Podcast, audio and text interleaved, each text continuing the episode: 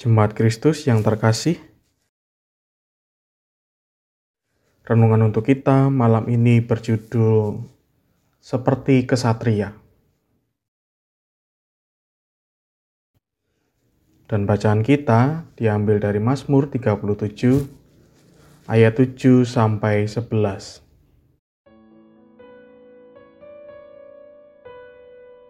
Demikianlah firman Tuhan. Berdiam dirilah di hadapan Tuhan dan nantikanlah Dia. Jangan marah karena orang yang berhasil dalam hidupnya, karena orang yang melakukan tipu daya. Berhentilah marah dan tinggalkanlah panas hati itu. Jangan marah, itu hanya membawa kepada kejahatan.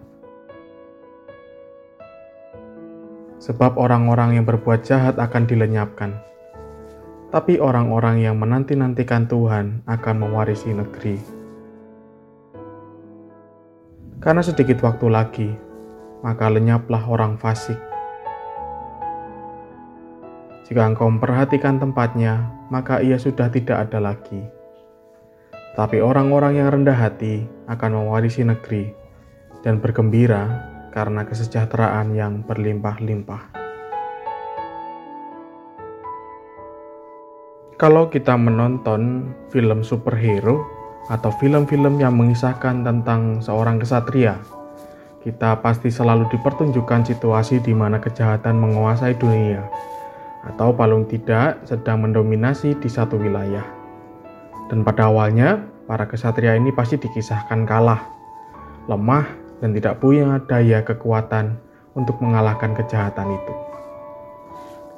Gambaran itu mungkin memang terlalu hiperbola kalau dibandingkan dengan situasi di dunia nyata.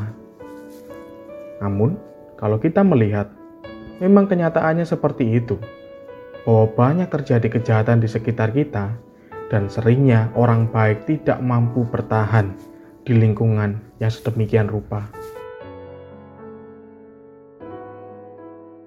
Pernahkah kita merasa iri dengan orang-orang jahat yang secara jelas kita melihat bahwa kehidupan mereka lebih nyaman dan enak daripada kehidupan kita. Kalau kita pernah melihat itu, tentu ada kemungkinan kita pernah bertanya, apakah menjadi orang baik itu merugikan atau bahkan tidak cocok untuk kita yang sedang hidup di dunia yang jahat ini. Kalau kita berpikir seperti itu, percayalah bahwa kita akan jatuh juga dalam tindakan dosa dan menjadi tidak berkenan lagi di hadapan Allah. Hiduplah seperti kesatria. Maksudnya, mau membela nilai-nilai kehidupan kita, menjaga itu agar tidak hilang, terlebih bila kita bisa membagikan nilai itu kepada orang lain. Tampaknya memang berat dan seperti buang-buang tenaga untuk hidup seperti itu. Namun, janji Tuhan yang tertulis dalam bacaan kita hari ini haruslah menjadi pengingat untuk kita bahwa orang yang memiliki kehidupan yang benar akan mewarisi negeri, dan orang-orang jahat akan dibinasakan. Menjaga kehidupan adalah sebuah anugerah yang diberikan Allah kepada kita. Milikilah jiwa kesatria dalam hidup kita, yaitu dengan memperjuangkan nilai-nilai kehidupan yang benar.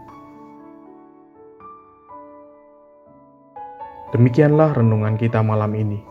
Semoga damai sejahtera dari Tuhan Yesus Kristus tetap memenuhi hati dan pikiran kita. Amin. Jemaat yang terkasih, mari kita bersatu hati, menaikkan pokok-pokok doa yang ada di dalam gerakan doa 21 GKI Sarwa Indah. Mari berdoa.